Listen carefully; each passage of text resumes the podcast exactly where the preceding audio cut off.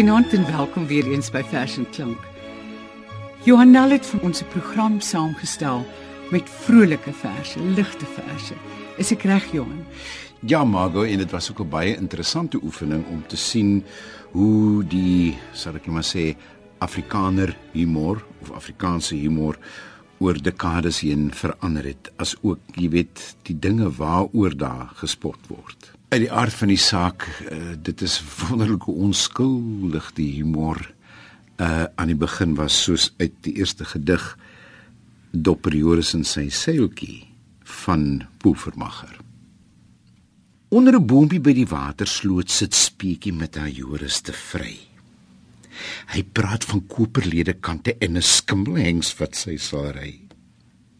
Hy sê dat sy oorlede paadjie om 1000 hamels in 'n ram opregte Franse ram gegee het en 'n woonhuis by die Middeldam. 'n Wage en span met soepveld osse, 'n spikkelspan. En hulle trek tog reg. En hulle bulk ja nes die ware duiwel nes die wind trek of van die staanplek weg. En twee sterke kooproepel emmers het oor hulle paadjie ook gegee en 'n ring wat maatjie opgetel het toe paadjie siek was by die see en 'n borspeld vol met rooi klippies en 'n horssweep met 'n koperknop en 'n teepot met drie silwere voetjies en die deksel het 'n duif daarop en 'n klok en 13 riempie stoele, 'n bulsak en 'n ledekant. Twee ingelegde gelo tafels en 'n prentjie met die plage van Egipte land. En ook nog 'n spul met romlarye, kar op vure en 'n fariseën en 'n Bybel wat maandjie eens gekog het van die smous Aaron Oepelbeen.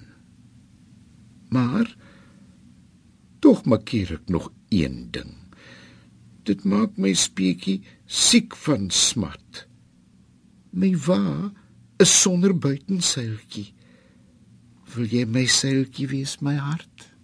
Wat doen ons nou? Ons is nog steeds by Poevermacher. Foi tog en uh, nou sit 'n paartjie wat getroud is, nou nie 'n paartjie wat om 'n ja-woord smeek nie. En eintlik 'n ou uh, hartseer verhaal van oom Abel Erasmus se vrou, maar tog so snaaks vertel ou Abel Erasmus. Ou Abel Erasmus het 'n vrou, oud maar tog sonder pleete. En eendag word sy sommer van 'n skorpioen gebete. Vlak op haar maag, myn liewe mens, net toe sy uit 'n emmer en nege oog aan baie was met vitriool en gemmer. Skreeu vir Erasmus aan haar man: "Hol gou en haal die swavel!" en steek dit skielik aan die brand hier op my nagel Abel en bring uit ons apoteek 'n pot met helmondskruie en kook dit saam met kalk en kruid en bokkemis en uie en hol en haal vir dokter Flips my kop begin te wemel en ek voel ek is in doodsgevaar en halfpad na die hemel O Abel Rasmus sit en kyk die lijk van kop tot tone neem toe papier en pen en ink en skryf aan syne sone. Julle ma is dood. Bring spykers saam. Kom julle iemand teë? Sê jul maatjie sal begrawe word net op die klokslag 9.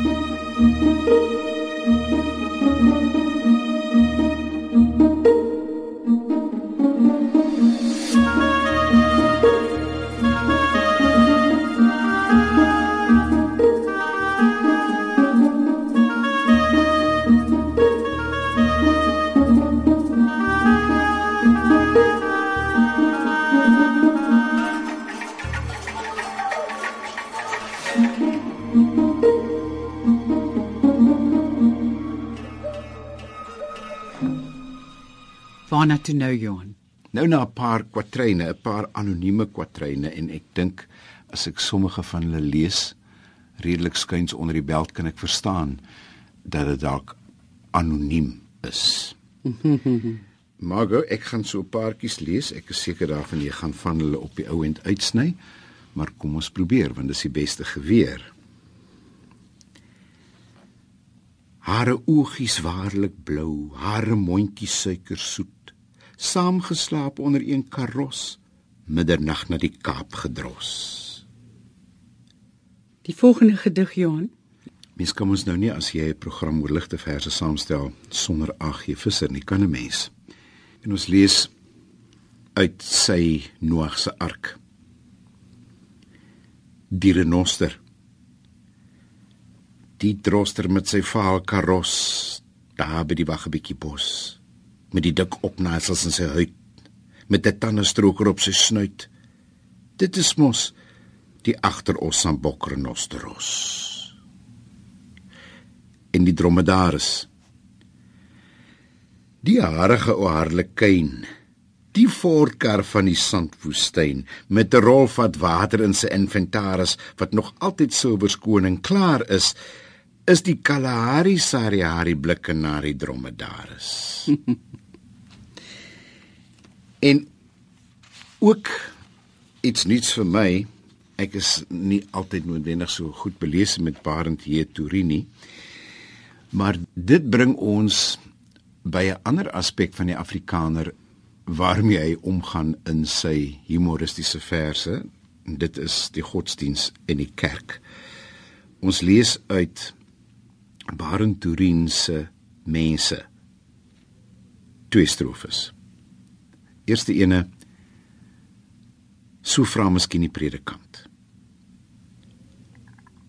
Waarom aangesien ons weet die eerste skepsel Adam het en aangesien die boek verklaar die plek van elk boer en barbaar is juis verberg in hierdie land taungskedels en die selekant en tant mim by die biduur Voor die betuur van die kring vra tant Miem die ouderling. Oor wie sal ons ons vanaand bekommer? Wie moet die karwats tot bekering bring? Of bid ons sommer? Jy sê ons gaan nou na Ronnie Belcher toe. Na Ronnie Belcher en spesifiek sy bundel My hart sing sewe moppies. Weet jy Margo in hierdie heerlike guitige kwatryne van die man lê daar soveel waarhede opgesluit soos byvoorbeeld in die eh, volgende klompie wat ek nou gekies het uit my hartsing sewe moppies. En onthou, dit gaan nou hier oor die kerk en godsdiens en geloof en dominees en die mens en die Afrikaner. Kerktaal bring sy loon.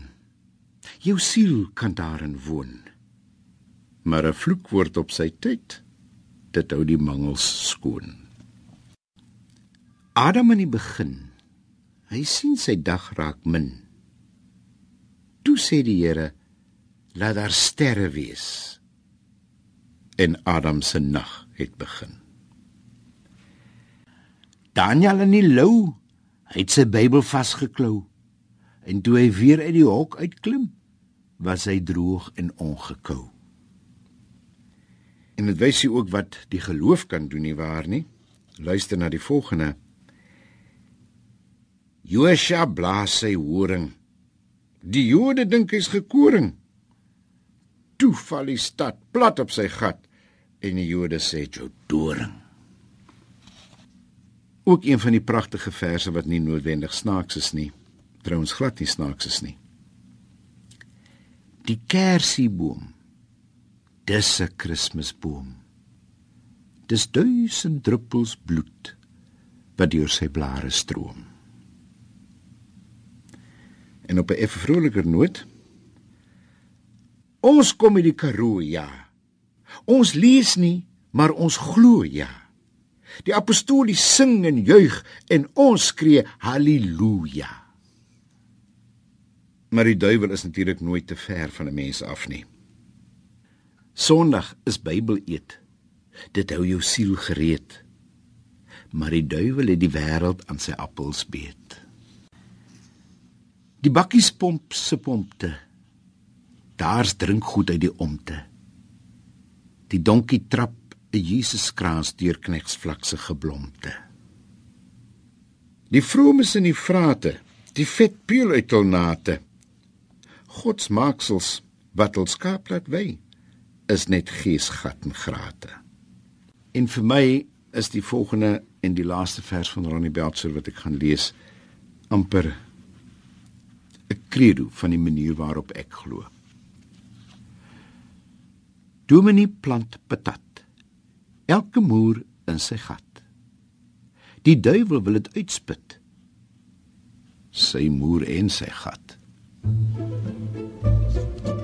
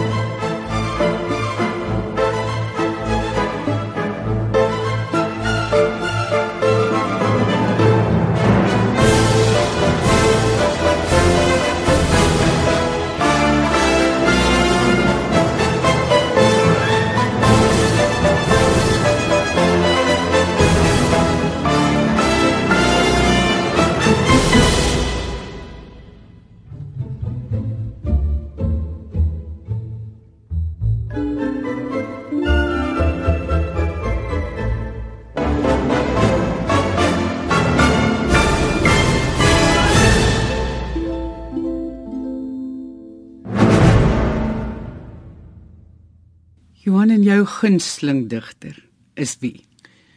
Een raai en dit is MM Walters Mago.